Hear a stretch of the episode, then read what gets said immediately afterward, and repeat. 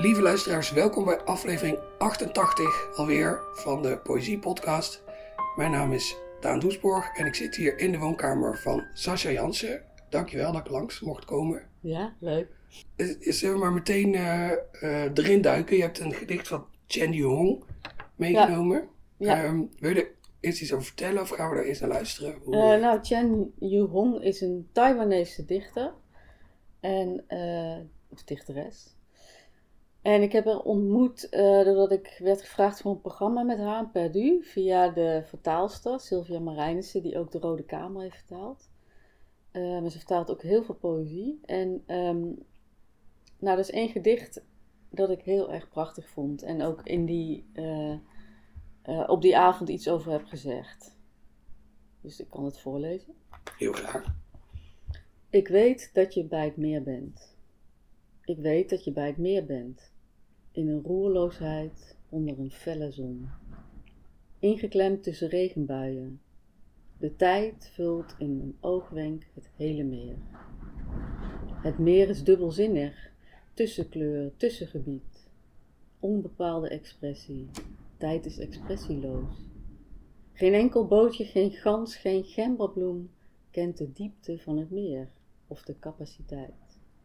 Ik weet niet of jij het meer zoekt, of dat het meer jou zoekt, of de tijd zoekt. Ga je het meer in, wordt je gezicht ondergedompeld in de tijd, in het asgroene vocht. Seconde voor seconde, langzaam, vult het water van het meer jou in zijn geheel. Dankjewel. En waarom heb je dit gedicht gekozen uit deze bundel? Nou, ten eerste omdat het me deed denken aan een gedicht van Nijhoff, Het kind en ik. En ik meteen dacht, oh, het gaat ook over, over het maken van een gedicht. Alsof ik weet dat je bij het meer bent, dat je daar het gedicht kan vinden. En haar werk schijnt veel te gaan over, dat wist ik niet, maar vertelde Sylvia Marijnissen, over het zoeken van het verborgene in de diepte. Dus ik moest denken aan Nijhoff. Ik moest ook heel erg denken aan het schilderij van eh, John Millet, eh, Ophelia. Ik weet niet of je dat kent. Er ligt een vrouw in het, eh, in een meer, of in het water. En ehm, gebaseerd op gedicht van Shakespeare. Dus ik denk zo'n mooi, mooi beeld. Die vrouw die daar ligt en langzamerhand toch naar beneden zakt, want alles wordt zwaar van het water. En Dat is zo'n pre-Raphaëlite Ja. schilderij, toch? Ja. Ja, ja. En het gaat over tijd. En ik was die, in die periode, of nog steeds eigenlijk wel heel erg gefascineerd door tijd. Eh, het meer als tussengebied, hè? dus een soort spiegel in het landschap. En daarboven is tijd en daaronder is tijd, maar in, in de oppervlakte is geen tijd. Een soort limbo, waar je, ja, waarin je kunt transformeren naar een ander leven of naar de dood. Of nou ja, het gedicht vindt in de diepte. Dus dat sprak me aan. Ze gebruikt ook bepaalde woorden die ik zelf nooit zou, zou gebruiken, zoals expressie. En dan meteen in de regel erop expressieloos, eigenlijk heel lelijk. Eh, capaciteit is ook zo'n woord. Terwijl je toch al een dichter bent die, laten we zeggen, een breed palet aan woorden gebruikt. Maar Ja. dat- Dus er zijn ook nog woorden waarvan jij zegt, nou, dat zou ik nou nooit in een gedicht eh nou, niet zo gauw, maar het is wel interessant om dat wel te proberen. Ja, En in dit gedicht lukt het. Vind ik gewoon vind ik het prachtig. Ook hoe het, hoe het zich ontvouwt als een soort ja, golf of zo. Zo heel rustig. Ja. Dus dat, dat eh, boeide mij aan dat gedicht. Ik vind het meer sowieso een fascinerend iets. Het is geen zee, het is geen rivier. Het is ja, een soort ja, plek. Wonderlijke plek. Water. Ik moest ook terwijl je aan het lezen was denken aan die roman van eh, Charles Ferdinand Ramus, waarvan ik nu natuurlijk de naam niet meer weet. Oh, iets met bergen? Ja, ehm, Oh, nou, die heb ik hier. Oh, die staat op zolder, want daar staan allemaal romans. Dat vond ik prachtig ook, ja. maar je bedoelt niet de acht bergen van Cognetti. Nee, nee, nee. Nee, nee, nee. Ja, Nee. Hij, heeft, hij heeft er twee, geloof ik. Het is een Zwitserse eh, schrijver. Ja, Eh, en eh, eentje heb ik gelezen en die andere niet. Maar dat die dus zich ook afspeelt rond een, rond een meer in de, in de Alpen ergens. Ja, ja, en, ja. en dat dat meer, net als in dit gedicht, eigenlijk dat meer bepaalt heel erg de sfeer daar. En ook net alsof dat meer een beetje het weer bepaalt. Of in ieder geval een, een een soort constante aanwezigheid is, maar die ook door invloed van het weer of de tijd van het jaar heel erg veranderlijk is. En ook die mensen een beetje beïnvloedt in, in, in hoe ze doen. Ja, geweldig om dat als centraal idee te, te nemen. Een soort oog, wat de wereld weerspiegelt. En eh, ja, die diepte fascineert natuurlijk enorm. Ja, echt een goed eh, natuurverschijnsel voor een gedicht eigenlijk. Ja. Meer. Ja, een soort samenballing ook, wat je in een gedicht ook doet. Je gaat naar één punt. Ja, Ja, en tegelijkertijd is het stil. In tegenstelling tot een, tot een rivier die altijd beweegt. ja. Doet zo meer dan natuurlijk niet. ja een beetje alsof de tijd wordt stilgelegd. En, eh, door die spiegeling, een soort fotomoment.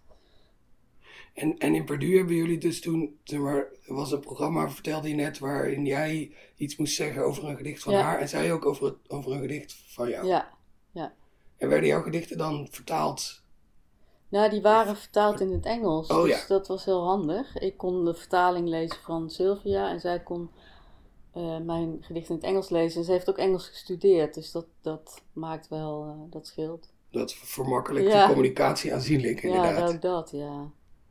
En toen heb ik in mijn nieuwe bundel daar een reactie op geschreven. Op dat En gedicht dat van probeer haar. ja, dat heb ik net gisteren eh, naar Sylvia gestuurd. En toen vroeg ik haar, kun je het in het Chinees vertalen? En toen schreef zij terug, nee, ik, ik vertaal uit het Chinees. Dat Ja. ik, oh ja, het is toch een heel ander vak. Vergeten mensen vaak over vertalers, Wat inderdaad. stom, die ja. Dat Niet altijd de nee, andere kant gaat op de andere, het gaat Soms ook natuurlijk wel. om, om het Nederlands. Ja, Ja. soms ook wel, ja. Ik zou het denk ik ook echt niet aandurven om iets naar het Engels te vertalen. Nee, ik heb dat nog nooit gedaan. Het wordt me vaak aangeraden, vertalen ze, vertalen ze een gedicht. Dan kom je natuurlijk heel dicht bij de taal van iemand anders. Ja. Ja, en dan is het uit Engels, het Engels. is gewoon beroerd. Ja, dan wordt het inderdaad lastig. Beroerd vind ik niet goed genoeg. Nou, en als, je hebt als dichter denk ik het voordeel, als je iets gaat vertalen, je bent zelf heel erg vertrouwd met de kleinste onderdeeltjes van de taal. Eh, want dat moet je als, in je eigen werk als dichter, moet je dat zijn. Dus als je dan gaat vertalen dan, en je leest dat Engels, dan dat, dat landt bij jou in een soort heel groot ontwikkeld taalgebied. En dan kan je daarmee aan de slag. Maar andersom is het natuurlijk helemaal niet zo. Nee, Ook als je vrij goed Engels spreekt, jij blijft toch een soort van leek. ja, je, of in ieder geval is je Engels een stuk kleiner dan dat van een Engelse dichter. Zeker. En dat, ja, Ik deed laatst een vertaalworkshop met eh, Michelle Hutchison, die vertaalt mijn gedichten. En er wilden mensen aan meedoen, maar die hadden Engels niet als moedertaal. En toen zei Michelle, ja, dat wordt een probleem. Precies om wat jij zegt. Stuur maar wat in. En toen zei ze, ja, dat wordt het toch niet. Want ja, je, die, die finesses, die, die pak je niet. Dus er zaten alleen maar mensen in die dan moedertaal als Engels of Frans of Duits hebben en van daaruit vertalen. Want eh, je moet vertalen naar de taal die het beste kent. ja. Want daarin kun je die details en die sfeer en... Ja, dat wordt dan ook een hele andere workshop. Je zou best een interessante workshop zouden kunnen geven voor, voor Mensen die niet de moedertaal hebben. ja, maar, dat, maar het wordt een heel, je gaat dan op een heel, je zit dan op een heel ander level. Dus, en als dat dan door elkaar zit, dan zitten die mensen die wel Engels als moedertaal hebben, zich misschien te vervelen. Ja, dat denk ik. Het is misschien heel leuk voor dichters. Ja, Om inderdaad in, de, in die structuren van iemands gedicht te komen. Zonder dat het dan wordt gepubliceerd als de vertaling van het gedicht. Ja, ik vond het heel leerzaam om te doen. Dat je ja, echt heel. Je raakt zo vertrouwd met wat iemand aan het doen is. Het is echt een kijkje onder de motorkap. Ja, als je zo'n gedicht gaat vertalen. Ja, dat is wel bijzonder, ja. En als je er dan niet één doet, maar 60, dan helemaal natuurlijk. Dan helemaal.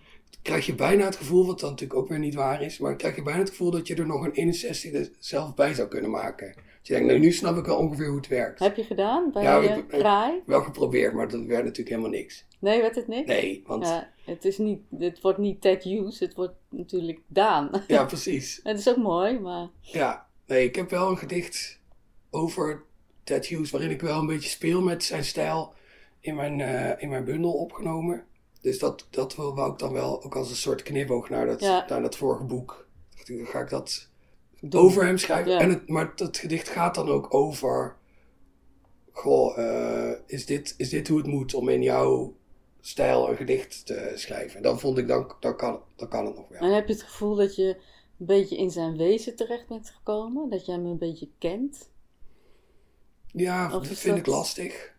Omdat je natuurlijk altijd de vraag hebt: in hoeverre presenteert hij zich in die gedichten als wie hij echt is, of in hoeverre beschrijft hij een personage. Ja, Dat, hè, het is, je stopt natuurlijk altijd heel veel van jezelf in een gedicht, denk ik. Tenminste, vind je dat? nou, ik had wel, toen ik haar ontmoette en ik, had haar, en, en ik heb haar werk gelezen, ik had haar werk gelezen, eh, had ik wel het idee dat het contact eigenlijk makkelijker ging.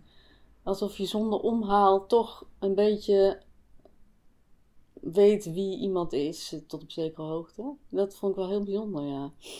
En heb je dat, heb je dat bij alle dichters die je ontmoet, wiens werk je kent? Misschien hadden jullie gewoon een goede, goede klik. Goeie vraag, elkaar. nee, ik denk het eigenlijk niet. Ik wil je theorie niet onderuit halen, dat is maar... inderdaad, hem nou. heb ik dat bij alle dicht? Nee, maar misschien ook omdat het zo verrassend is, omdat iemand uit een totaal andere cultuur komt. eh, dat je dan van tevoren denkt, nou misschien is die afstand heel groot en dan blijkt het gewoon niet zo te zijn. Ja, Ja, ik zit, ik zit er nu wel over na te denken. Wat, wat doet het met iemand die je voor het eerst ontmoet als je, als je Alleen weet, het diegene is dichter en je kent die gedichten ook? Hè, stel, je ontmoet eh Tonnes Oosterhof voor het eerst, maar je kent wel al zijn gedichten, heb je dan een andere indruk van hem? ik denk het wel. Ja, we kunnen het zo moeilijk testen, want Ja, we kunnen niet al zijn gedichten ont, ontlezen Nee, en, dan, nee. en weer voor het eerst ontmoeten ook. Dat, maar wel, wel een spannend idee. Ik heb wel het idee dat je iets van iemands ja, wezen, dat is wel een beetje rot woord, maar dat je dat toch een beetje meer meekrijgt als dat je eerst gaat socializen, een glaasje wijn. En dat je eerst toch door een soort muur er heen moet eer je daar belandt. En vaak ook helemaal niet belandt, omdat mensen dat ook helemaal niet willen. En in iemands poëzie is natuurlijk ook projectie van jou op, op dat werk. Is er wel een andere ingang, gaat een andere deur open. Kan Ja, een andere ook deur open gaan. Kwetsbaar op, inderdaad. Eigenlijk wel, ja. Ja. Misschien is het vergelijkbaar met als je bij iemand thuis komt en je, je kijkt even wat ze in de kast hebben staan. Ja, Dat vind ik ook altijd eh, veel zeggen over iemand. ja, of de inrichting. Of ja, hoe je omgaat met de dingen. Ja, precies. ik kan misschien mijn gedicht als reactie... Oh, dat is wel heel leuk. Ja? Ja, Zal ik dat doen? zeker. Nou ja, ik ben... Ik wilde... Een, een, dit is mijn zesde dichtbundel. En toen op een gegeven moment dacht ik... Ah, het is wel mooi als er zes keer zes gedichten in staan. Ik vind zes een heel mooi getal. Ik ben ook op 6 mei jarig. En ehm, ik denk heel vaak vanuit vorm. En ik werd op een gegeven moment gevraagd... En Nolens werd 75... Ja, denk ik 75. En omdat hij bij Querido zit... eh, werd aan de Querido-dichters gevraagd... Maar geloof ik om mensen erbuiten... Om een gedicht te schrijven... En dan werd zo'n ja, verjaardagscadeautje was dat dan, een eenmalige uitgave. Dus ik had dat gedicht van Nolens geschreven. Dacht ik, hé, hey, misschien is het wel leuk om gedichten te schrijven die ik opdraag aan ook nog wat andere dichters. Toen dacht ik, wie dan? En omdat het gedicht van Chen Yuhong zo'n indruk op mij had gemaakt. En omdat het naar mijn idee ook gaat, zit een poëticaal element in. Wat zij denk ik niet zo heeft bedoeld, maar wat ik erin leg. Schrijf ik een gedicht opgedragen aan haar. Met name op dit, eh, een reactie op dit gedicht. En dat heet Een spiegel in de aarde. Voor Chen Yuhong. Het schemert niet, toch is er geen licht, toch is er geen donker. Aan de oever kijk ik naar de krans van bladeren om haar hoofd. Een wilgetwijg in haar hand, de rok gulzig uitgespreid. We houden ons stil, stil. De zwartgroene onderwereld, de doorzichtige bovenwereld, houden haar op het meer dat toekomst en verleden mengt, in zijn oog dat nooit sluit. De narcissen buigen, een uil draait zijn kop, vlinders geborgen, dan zingt ze en duikt op het gedicht als nieuwste tijd. Dankjewel. Nou ja, dat is eigenlijk een samenvatting van wat ik net zei. ja, maar dan in, in de Maar dan een in de vorm van een gedicht. Ja. Kwam je dan ook in de verleiding, of heb je dat, heb je dat ook gedaan om dit dan ook in haar stijl te schrijven? De the- qua thematiek Nee. sluit het natuurlijk wel Eh, aan. ja, een beetje wel. Be- ja, eerst dacht ik dat gedicht van Nolens is vrij kort. Ik ga allemaal hele korte, samengebalde gedichten schrijven. Maar nee, Eh, even kijken, ik kan het wel laten zien. Ja, het is ook een beetje een soort streek. Zo van, hè? Een paar verfstreken, wat zij ook doet. Ja, luisteraar kan het niet zien, maar eh, Nee. korte, korte strofe, ja, korte strofe valt eigenlijk ook wel weer mee. Ja, nee, wel korte strofen. Ja, misschien meer de manier waarop het eh, geweven is. Dat, dat is echt ook wel een reactie. Ik denk wel dat het daarbij aansluit. Ik heb ook een gedicht geschreven voor uh, Monica Rink. Ik, ik, vind haar werk prachtig, maar ik begrijp er helemaal niets van. en, uh, toch als je dan een reactie schrijft, dat is misschien ook een soort van vertalen. Uh, je gaat toch een beetje zoeken naar wat is die essentie, wat raakt mij in dat werk. En het is een manier om ook iets te benaderen of om er dichterbij te komen. Uh, van Nolens dus. En ik werd gevraagd om een reactie te schrijven op dat beroemde gedicht van Marion Moore. Uh, poëzie. En toen dacht ik, ja, dan heb ik er vijf. En dan moet ik er nog één. Toen dacht ik, weet je wat? Ik neem mezelf. Oh ja. ik schrijf een... Hoe kom ik dicht? Oh nee, voor Hadewig heb ik ook een gedicht geschreven. Dat waren er vijf. Toen heb ik ook een gedicht van mezelf geschreven. En, en, maar hoe, hoe schrijf je een reactie op jezelf? Daar ben ik wel heel benieuwd. Maar wat, wat, waar reageer je dan? Nou, misschien ook op, op een beetje mijn eeuwenoude frustratie dat mensen tegen mij zeggen: Ja, ik begrijp, ik begrijp helemaal niet wat je schrijft. Uh, schrijf eens op wat je bedoelt. Dus dat zit er dan wel in. En, en een beetje ook op, op, uh, op, op mijn werk. Op regels uit een gedicht. Ja, je grijpt terug op andere. Ja, je kan natuurlijk Maar dat is heel. En op een gegeven moment kwam er een tandarts bij en het werd een beetje wonderlijk. Het is wel leuk dat er soms ineens ingrediënten op kunnen duiken in een gedicht die je niet verwacht had. Totaal niet verwacht, nee. Ik had een kerstgedicht gemaakt dat ik in de kerstspecial heb voorgedragen. En daar zaten ineens appelflappen in, terwijl ik dat helemaal niet van tevoren zo gepland had. Ik heb geen zin in. Maar toen waren er ineens. En toen dacht ik, oh ja, nou ja. En toen was het ook in één keer kerst. Ja, ja, inderdaad. Ja, het gedicht wil ook wat. Ja. Het gedicht wil heel veel. Het is natuurlijk altijd kunst om dat een beetje te volgen. Ja, en die tandarts, ik, ik, als, ik, als mensen vragen, kun je ervan leven? Dan denk ik altijd aan een tandarts. Ja, je weet dat een tandarts van kan leven, maar kun je er goed van leven? Zou je dan vragen? Het is altijd zo'n vervelende vraag, kun je ervan leven? Nee, wat denk je zelf? Weet je? Kun, je, kun je ervan leven en Ja. ik snap je gedichten niet. Ja, dat dus de kortom, twee vragen die het zo- uit mogen. ja, kortom, houden we maar mee op. Hou er maar mee op, ja. Het is ook wel komisch, ja. Ja, Dus daardoor kwam die tandarts denk ik opeens eh, omhoog. En ik moest ook denken, ik weet niet of je dat boekje van Ben Lerner kent, Waarom wij poëzie haten. nee. Daarin schrijft hij ook dat, dat voorval dat mensen vragen, waarom schrijf je? Kun je ervan leven? En dan zegt hij, ja, die vragen worden dan altijd op meest ongelukkige momenten gesteld. Bijvoorbeeld als je bij de tandarts ligt en die tandarts zit in je, in je, aan je tanden te sleutelen. En die denkt, hè, kan er uit zo'n opening eh, zulke onvervreemdbare poëzie tevoorschijn komen? Dus dat is ook weer dat beeld van die tandarts. Het is misschien ook het peuren aan iemands hoofd, iemands geest, iemands denken. Ik ben nu ook wel heel benieuwd of, of tandartsen kunnen zien of iemand dichter is of niet. Ja, ja eigenlijk moet je eigenlijk- zeggen van, eh, wat is mijn beroep? Ik doe mijn mond open. Ja. Is mijn beroep? Misschien kijken of er een tandarts is die meerdere dichters als, als eh, patiënt heeft. Ja. Ja, misschien zien we er toch op een bepaalde manier uit. Ja, wie weet. Ik zeg eigenlijk altijd gewoon ja als iemand vraagt, kan je ervan leven? Ja, Dat dat is een goed onder de idee. indruk. Ja, dat is een goed idee. Ja, hoeft, hoeft Ruim. niet waar te zijn ruim. Ja, ruim, ruim. Ik kan elke dag wijn drinken. Ik woon aan het Vondelpark. Zo, ja, Ja, je waar. Iedereen in wel- Amsterdam woont eigenlijk bijna Ja, aan het Vondelpark. ik woon op fietsafstand van het Vondelpark. Ja, dat is fantastisch. Ja. Ehm, nu had Ja. ik net iets slims bedacht wat ik wou zeggen, maar, dan heb ik je nu ervan niet meer.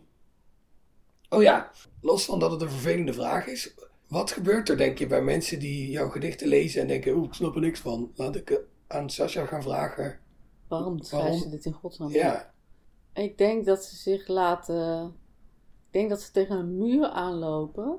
Of ze, ik denk dat ze denken dat een gedicht een raadsel is. En dat raadsel moet je zien op te lossen.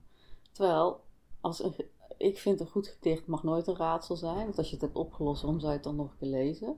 Dus ze zoeken naar een sleutel om iets te begrijpen wat misschien helemaal niet nodig is. Ik denk dat ze dat proberen. En ik denk als je eh, weinig met poëzie in aanraking komt, je ook helemaal niet begrijpt hoe je, ja, hoe je, hoe je dat tot je kunt nemen. Dat, dat het, ik zeg al, in het begin zei ik altijd, nou, lees het dan gewoon heel snel en eh, laat het over je heen komen. En toen later dacht ik, ja, het is een beetje misogyn. Hoezo moet je dat heel snel lezen? Nu denk ik van, nou, misschien moet je, is het handig als je wat meer poëzie leest. Ja, dat, dat raadsel. Het is ook een soort misvatting die heel erg leeft, hè? Dat, je, dat je een gedicht moet begrijpen. Ja. Terwijl als je een gedicht leest en je voelt je daarna boos of, of bedroefd of zo, dan heeft dat gedicht ook zijn werk gedaan. Enorm zou ik zeggen. Of je, je leest een gedicht en je denkt ineens aan een, een schaal met appels. Terwijl er helemaal geen schaal met appels in dat gedicht zit, dan heeft het gedicht ook zijn werk gedaan. Ja, ik zeg altijd, wat, wat leuk is als, als je een gedicht leest en, je, en er gaat een soort filmpje aan in je hoofd. Je krijgt inderdaad allemaal beelden die je daarvoor niet had. Dan kun je zeggen, ja, waarom? Ja, ja uh, kan je bij heel veel dingen zeggen. Ja, nou, ik denk waarom. Het, het kan, die film kan jou een breder perspectief geven op iets waar je normaal gesproken niet over nadacht. Of hè, het kan je op een ander spoor zetten. Het kan een soort ruimte geven. En dat kan heel fijn zijn om in te verkeren. Ik vind het ook heel gek dat we met z'n allen bedacht hebben dat het eigenlijk een hele domme vraag is om bij een abstract schilderij te vragen: wat, stelt dit voor?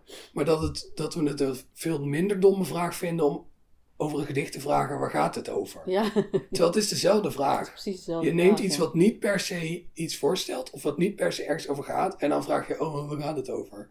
Ja, ik denk dat mensen bang zijn om uh, ermee te doen wat ze willen. Maar je kan er van alles mee doen. Het is aan jou. Het is, uh, ik geef het uit handen en je mag ermee doen wat je wil ja, ik hoor ook vaak mensen zeggen dat ze, dat ze niet zo goed uh, poëzie durven te gaan lezen, omdat ze er niet genoeg van af weten. Terwijl oh, ja. Je hebt echt geen voorkennis nodig om een gedicht te kunnen lezen. Als je kan lezen, dan zijn we. Ja, je bent een mens met taal. Ja, een talig wezen. En wij worden voornamelijk opgevoed met het idee dat taal een gebruiksvoorwerp is. En het moet zo helder mogelijk, want we willen communiceren. En ik vind het nou zo mooi van poëzie, dat communiceert op een hele andere manier. Misschien juist wel via het niet begrijpelijke. Ja, bij uitstek inderdaad. Ja. Hoe, hoe kunnen we dit PR-probleem uh, oplossen, denk je, met z'n allen? ja, moeilijk. Moeilijk. Ik heb geen idee. Ik snap ook wel dat poëzie lezen vraagt iets van, überhaupt lezen vraagt iets van iemand. Het is niet achterover hangen voor een Netflix-serie. Uh. Ik denk ook wel dat je ontzettend beloond kan worden als je wel in die wereld van die dichter probeert te duiken. Nou, en het mooie van een gedicht is toch ook wel dat het, het vraagt misschien ook iets meer, maar het is ook wel over het algemeen heel kort. Ja. De grotere moeite die het kost om een totje te nemen, wordt ruimschoots gecompenseerd door de lengte ervan. Precies. Daar ben ik over het algemeen niet zo, niet zo fan van lange gedichten eigenlijk. Nee? Nee. Als ik in de boekwinkel sta en ik overweeg om een bundel te kopen en ik ga er dan een beetje doorheen bladeren, dan en ik zie een gedicht van twee kantjes, dan denk ik niet, oh, dan ga ik dit gedicht eens even lezen om te kijken of ik deze bundel ga kopen of niet. Nee, terwijl lange gedichten erg in de mode zijn, hè? Ja, dat klopt. Maar en wij... ze kunnen ook wel heel belonend zijn. Een paar van mijn favoriete gedichten zijn hele lange gedichten. Maar ja, het vraagt wel een soort, soort investering vooraf. Ja, want het is enorm, toch, je kan zeggen lang gedicht leest makkelijker, want het is vaak niet zo. Want het heeft toch gecomprimeerde taal en het en het stapelt vaak beelden op elkaar, waardoor je toch even met je oog moet knipperen van wat gebeurt hier. En, uh, ja. Ik word gewoon zelfs moe halverwege. Ik ga dit gedicht maar een andere keer lezen. Dit is nu niet... Uh... Het kost enorme concentratie. Hè? Ja, terwijl er zijn zulke mooie lange gedichten. Ik denk aan uh, Orpheus Euridice Hermes van Rielke.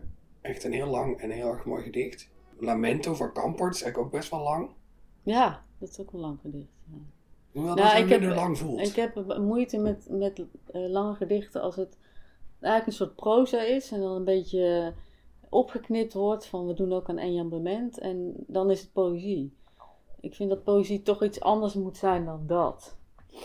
En ik ben ook niet zo geïnteresseerd in plot. Dat vind ik leuk van poëzie. Je hebt niet echt plot nodig. Dat het niet hoeft. Nee, hoeft niet. Je hebt niet echt logistiek nodig. En uh, Je hoeft ook veel minder uit te leggen. Je hoeft niks uit te leggen. Waarom staat gewoon- iemand hier in, de, in kamer? Of waarom is hij opeens dood? Of waarom zijn er opeens appelflappen? Ja, precies. Die zijn er gewoon. Die zijn er gewoon.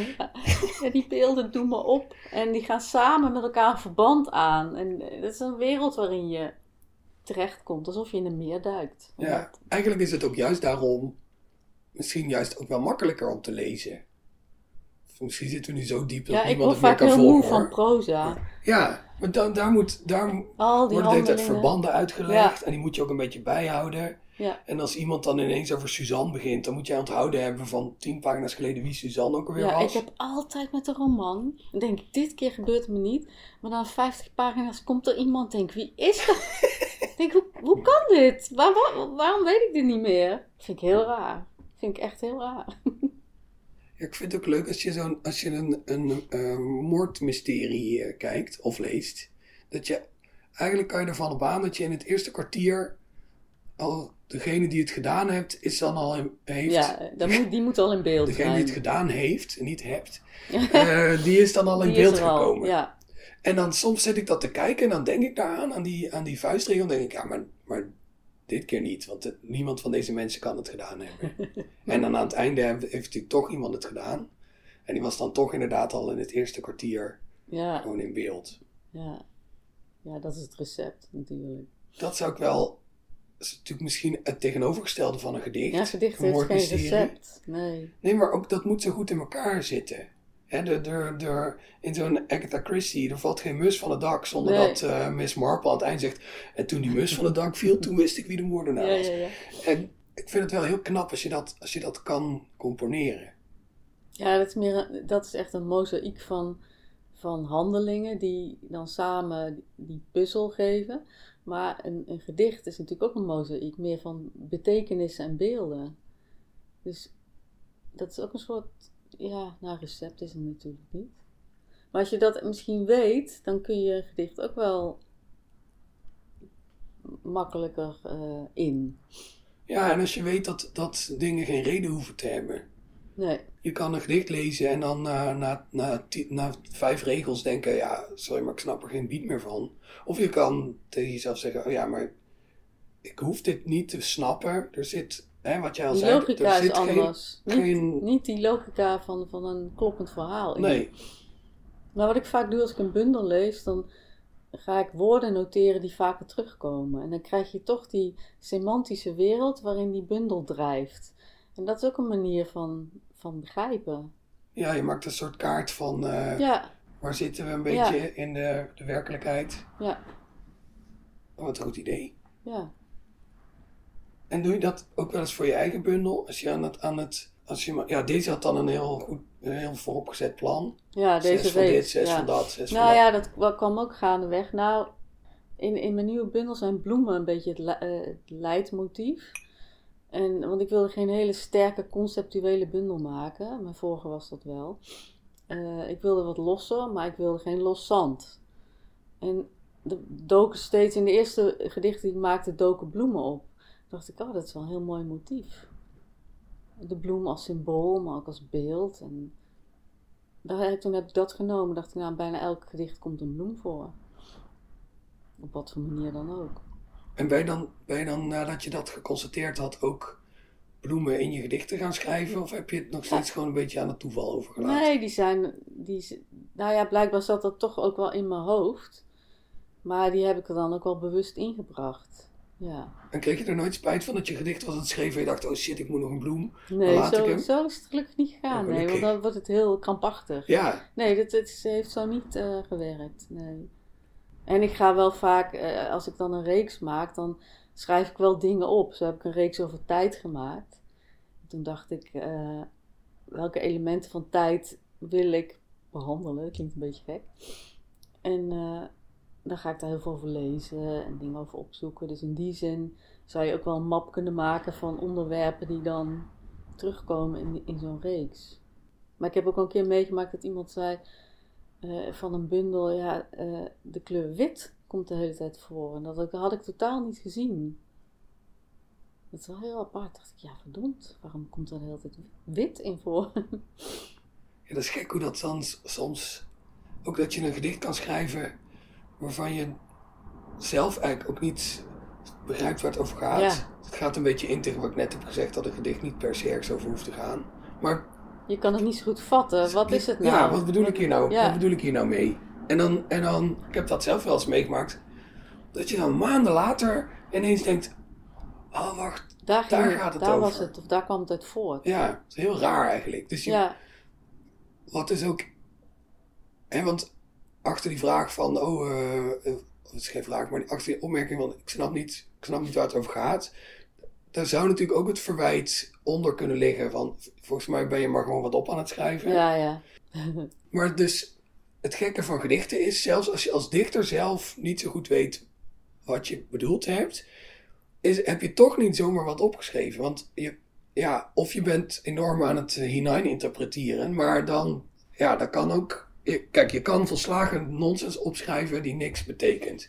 En daar kan je echt heel erg lang over nadenken en heel veel letterkundige opzetten, maar uiteindelijk Is het niks. zal het nooit de toets weerstaan van, maar is het niet gewoon een hele hoop bullshit wat hier opgeschreven is? Maar dus het feit dat, dat je een gedicht kan maken en achteraf toch kan snappen wat het betekent. Ja, het dan- gedicht was al wijzer dan jij. Er zat Dat toch iets in dat klopt. Die, ja, ja. Die weet al wat het aan doen is, zonder dat jij dat precies weet. En dat vind ik ook wel de magie van maken. Dat het een soort spel is tussen intuïtie en verstand. Een spel is tussen het kinderlijke en het volwassene. Dat is, dat is ontzettend leuk. Ja. En dan ontstaat er ook iets buiten jezelf om. En daar, daar is mij om te doen. Ik hoef niet op te schrijven van... eh, oh, ik heb liefdesverdriet. En eh, bij elke fiets die ik zie, denk ik aan hem. Ik zeg maar wat, dat boeit me niet. Ik wil ook iets ontdekken wat verder gaat dan mijzelf. En poëzie biedt dat, juist omdat je vaak niet weet wat, wat je nou aan het doen bent, ontstaat er iets onder je handen wat dat wel al weet en jij dan over drie maanden later misschien ook. Dus het echte antwoord op de vraag waar gaat het over is vaak ook, ja, dat weet ik nog niet. Nee. Nee. Ja, en daar, waar- daar kan ik me dan wel weer van voorstellen dat dat moeilijk uit te leggen is. En ben jij als je een gedicht leest uit op, op eh, dat het je raakt of dat je ontroerd wordt? Ja, denk ik wel. Ik moet bijvoorbeeld, ik zit in de redactie van Tirade en dan moet ik natuurlijk heel veel gedichten lezen en, en die gedichten be- beoordelen op Of het erin komt? zetten we dit in het blad Ja. of niet. En daar heb ik eigenlijk een soort, ik heb sowieso een soort, soort onderbewuste lijst met dingen die, die van mij niet mogen. Ik vind als ik eh, meer dan twee spreekwoorden tegenkom in een gedicht, dan is het klaar. Spreekwoorden? Doen mensen dat nog? Mensen, ja, heel veel. Ja, taalspelletjes. Ja. Oh, dat is echt heel link. En ook Dat is vaak helemaal niet leuk. Nee, en ook gewoon bepaalde woorden en beelden. Ja, waarvan ik denk, dit is gewoon al te vaak gebruikt. Ja. En ik, en ik, maar mijn, mijn voorwaarde om te blijven lezen is dat ik in ieder gedicht iets nieuws wil lezen. Dus hè, dat kan een, een vergelijking zijn waarvan ik denk, goh, of, of, een, of een beeld. Dat verrassend is. Ja, dus, dus daar zoek ik naar. Ja. En ja, in het, het, het allerliefste word ik inderdaad ontroerd door Ja. gedicht. Ja. En ja, ik vind eh, als je heel erg hard om een gedicht moet lachen, dan is dat ook een vorm van ontroering. Dus dat is ook goed. Ja, raken, hè? Dat kan van alles zijn. Kan Moet- kwaadheid zijn. Of... Ja. Eh, maar ja, soms kan je ook denken bij een gedicht, goh, ik, ik, ik voel er niet per se iets mee, maar ik zie wel dat, Dat het heel knap in elkaar zit. Dat vind ik, vind ik ook al eh, wat waard. Maar ja, vooral iets, iets nieuws. En het, is, het klinkt, klinkt een beetje als een onredelijke eis, want met elk gedicht dat er gemaakt wordt, wordt worden weer meer, meer nieuwe dingen aan de voorraad nieuwe dingen ontrokken. Maar aan de andere kant gaat het al zo lang goed en er zijn zoveel gedichten Ja. waar iets nieuws in staat. Eh, bovendien zijn er natuurlijk, godzijdank, ook nog een hele hoop gedichten die ik niet gelezen heb. Dus dan, ja, kan daar zit ook nog een hele hoop ongebruikt, ongebruikte nieuwe dingen in. Ja, Eh, ja ik wil geen gedicht lezen waar boven staat herfst. En dan eh, krijg ik een, een mooi gedicht over eh, gele bladeren en gouden dit. En, ja, dat, maar dat, dat was natuurlijk wel, vroeger was dat wel anders. De tacht, nou, of niet per se de tachtigers, maar nou ja, de, de Jacob Katz en allemaal dat soort eh, dichters, die schreven natuurlijk wel met een bedoeling om iemand op te voeden. Of, eh, ja, dat, dat, is, dat, dat vinden wij niet meer mooi. Wij willen niet worden opgevoed, we willen geen conclusie aan het eind, we willen ja, iets nieuws, iets sub substantieels, anders of iets. Ja. Maar wie weet, over 400 jaar willen mensen weer juist wel opgevoed worden door. En die lezen dan jouw bundel en die Denk denken van, ja, die Jans heeft is helemaal vaag, gaat alle kanten op. stichtelijke boodschap ingestopt. ja, ja. Er zit helemaal geen conclusie aan. We Hoe moet ik nou mee. leven? Ja, Ja, Wat betekent dit? Waar gaat het over? ja. grappig is dat, ja. Maar goed, die kunnen dan lekker Jantje eens pruimen hangen lezen en zich daar heel content mee voelen. Dat is natuurlijk allemaal nog. Ja, we zitten allemaal gevangen in de tijd. En een gedicht schrijven over de herfst en de vallende bladeren. En dat je daar zo melancholiek van wordt. Dat was in de tijd van Cats natuurlijk ook nog wel een nieuwer idee dan het nu is. Ja, Ook nog steeds waarschijnlijk niet zo nieuw. Hij was vast niet de eerste die bij het vallen der bladeren in de herfst een gevoel van weemoed voelde opkomen. ja of de, de ouderdom. Of Altijd sterven. november, altijd regen. Ja, Nou, dat is dan van, van J.C. Bloem wel het Ja. leuke dat hij die hele klassieke thema's op een manier opschrijft waardoor het dan toch weer fris en tegelijkertijd heel monumentaal wordt. ja, ja. Nu hebben we op een soort eh, hele natuurlijke manier het complete structuur van deze aflevering overhoop gegooid. Oh ja? Namelijk door- ja, want normaal vraag ik altijd alle dichters om dus het gedicht van een ander eerst nog een keer te lezen en dan gaan we Oh. dan naar het gedicht. Maar dit kwam hier natuurlijk heel mooi uit. ja. Dat misschien is wil je juist het... wel le- leuk, toch? Ja, ja Het dat gedicht van Chen Ja. Laten we dat doen. We gaan het gewoon helemaal anders doen dit keer. Ik weet dat je bij het meer bent. Ik weet dat je bij het meer bent, in een roerloosheid, onder een felle zon, ingeklemd tussen regenbuien. De tijd vult in een oogwenk het hele meer. Het meer is dubbelzinnig, tussenkleur, tussengebied, onbepaalde expressie. Tijd is expressieloos. Geen enkel bootje, geen gans, geen gemberbloem kent de diepte van het meer of de capaciteit. Ik weet niet of jij het meer zoekt, of dat het meer jou zoekt, of de tijd zoekt. Ga je het meer in, wordt je gezicht ondergedompeld in de tijd, in het asgroene vocht. Seconde voor seconde, langzaam, vult het water van het meer jou in zijn geheel. Dat vind ik ook zo mooi. Ik weet niet of jij het meer zoekt of dat het meer jou zoekt. Ik las ergens, ja, dat is ook het Taoïsme. Van niet handelen en gewoon laat gebeuren wat komt. Maar ik zie het ook als het gedicht dat jou kan zoeken of dat jij het gedicht zoekt. En ehm, ja, en dat, dat volledig gevuld worden met tijd vind ik ook mooi. Alsof het meer ook een soort eh, een symbool staat voor ons leven. En het is een soort periode tussen twee eeuwigheden in van niet bestaan. Ja, dat vullen met tijd, dat is jouw leven dan.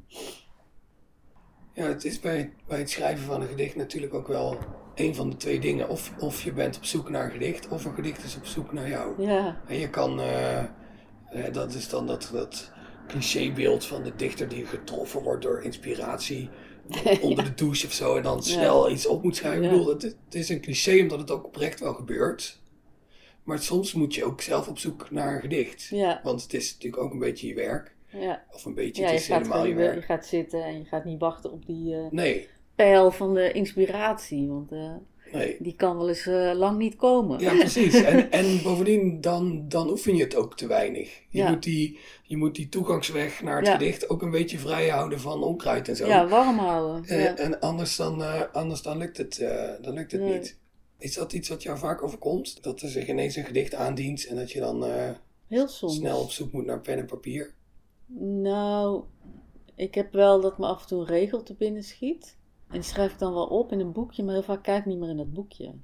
Misschien is het dan weg. En bovendien vertrouw ik erop dat alles wat in me zit er ook wel uit zal komen. Ik ben niet zo bang voor dingen vergeten of verliezen, want eh, je zit in een bepaalde periode zit je toch al in die beelden en ideeën, dus het komt wel goed. En ik ben ook wel iemand van het, nou het afdwingen klinkt heel negatief, maar gewoon gaan zitten en gaan schrijven. En veel weggooien, veel herschrijven. En dat is het voor mij het spel, vind ik leuk. Ja, die inspiratie, dat valt volgens mij wel mee. Maar ik denk wel dat als je iedere dag of, of, of veel mee bezig bent, dat je open staat voor dat onbenoembare wat tot dichten aanzet. Ik zeg ook heel vaak tegen studenten: je moet elke dag gewoon, dan schrijf je één woord op. Dat maakt ook dat het de poëzie van jou blijft, want het is ook iets wat je de hele tijd ontglipt. En, uh,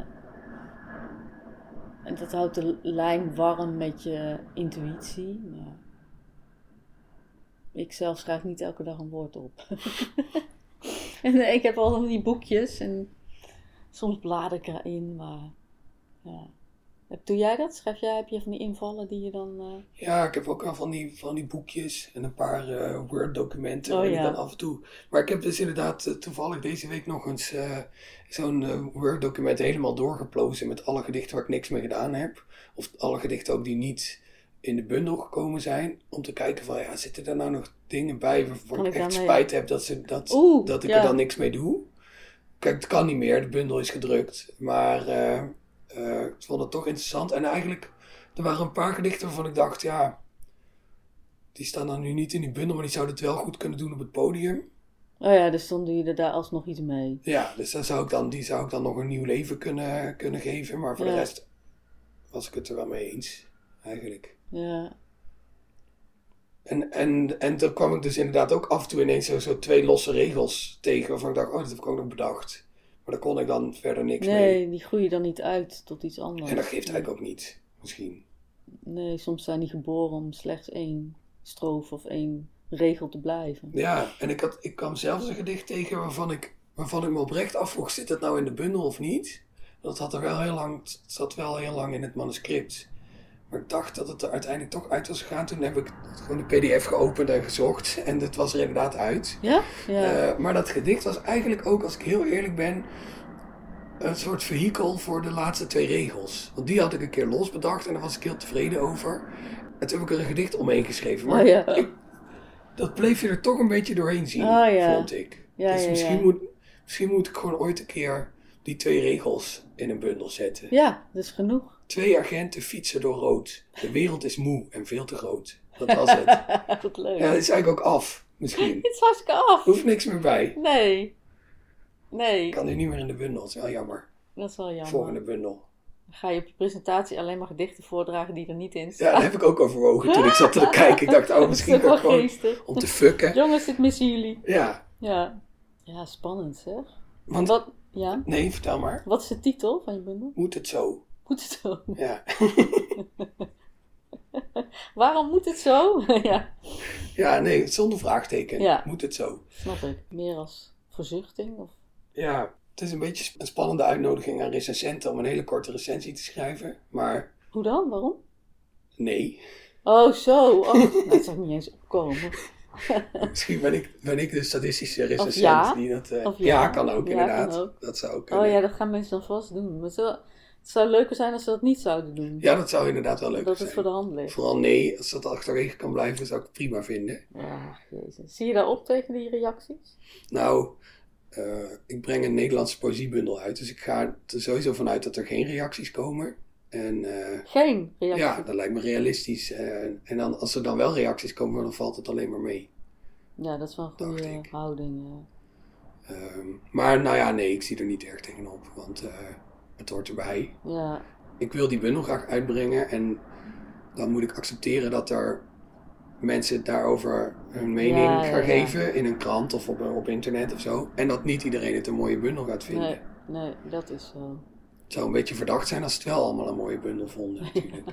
en jij, zie jij er tegenop? Je hebt nu net deze Ik bundel heb uit. eh, al een paar reacties. Nou, ik zag, hem, ik zag er tegenop omdat Vegula heel goed ontvangen is, mijn vorige bundel. En dan gaan mensen zeggen, oh, dan moet je er wel overheen.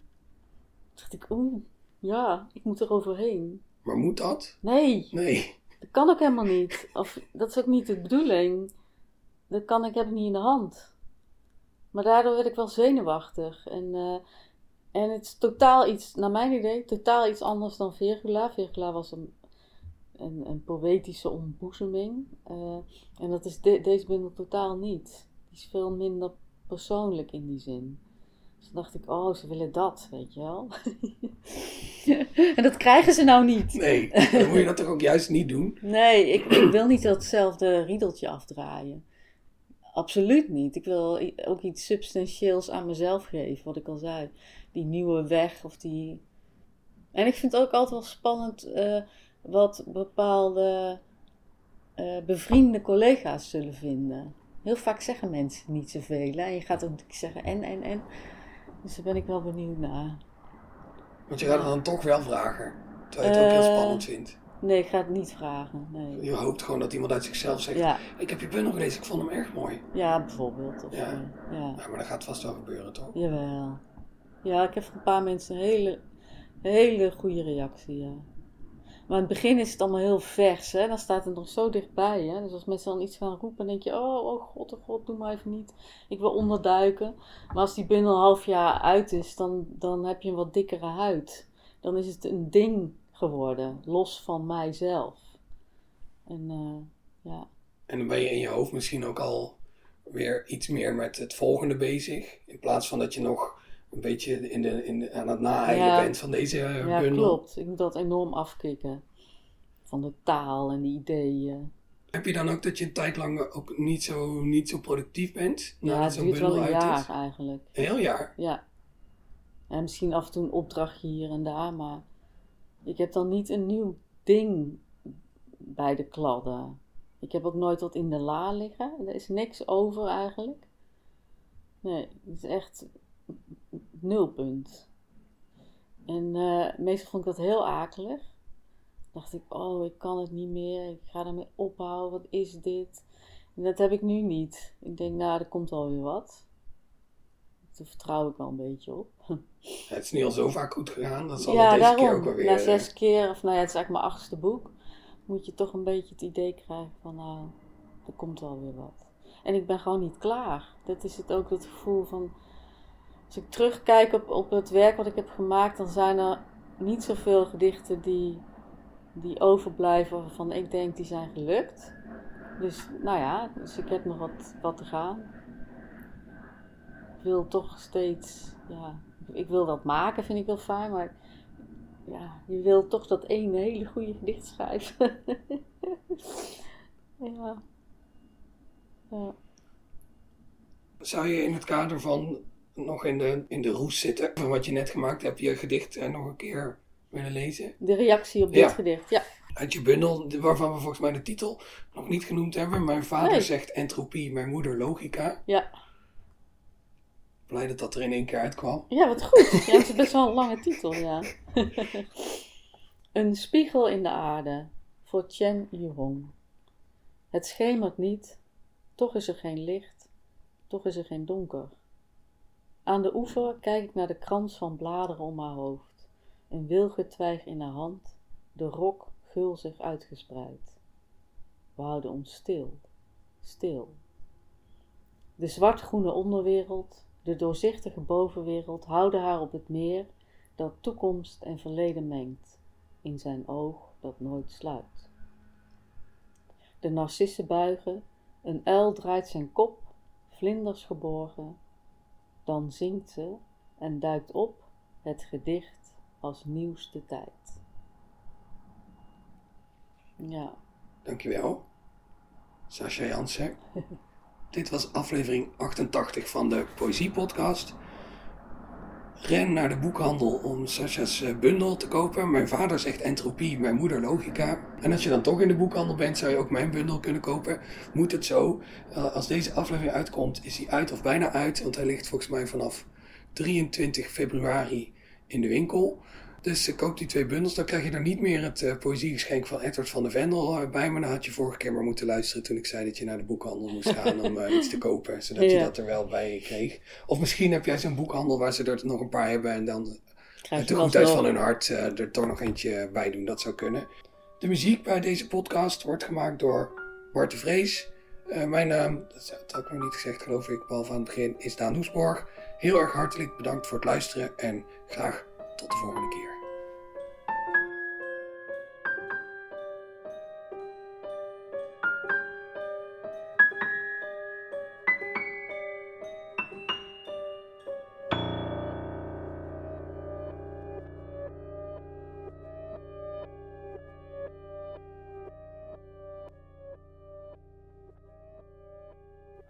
Je luisterde naar een aflevering van de Poëzie Podcast. Daan Doesborg is schrijver en presentator. In 2010 werd hij Nederlands kampioen Poetry Slam. Momenteel werkt hij aan zijn debuutroman, die zal verschijnen bij uitgeverij Van Oorschot. De Poëziepodcast wordt mede mogelijk gemaakt door de Stichting Literaire Activiteiten Amsterdam. Bij ons draait alles om literatuur. We maken programma's voor de hele stad, online en offline. Al onze podcasts zijn ook te beluisteren via onze website www.sla.nl/slaakast.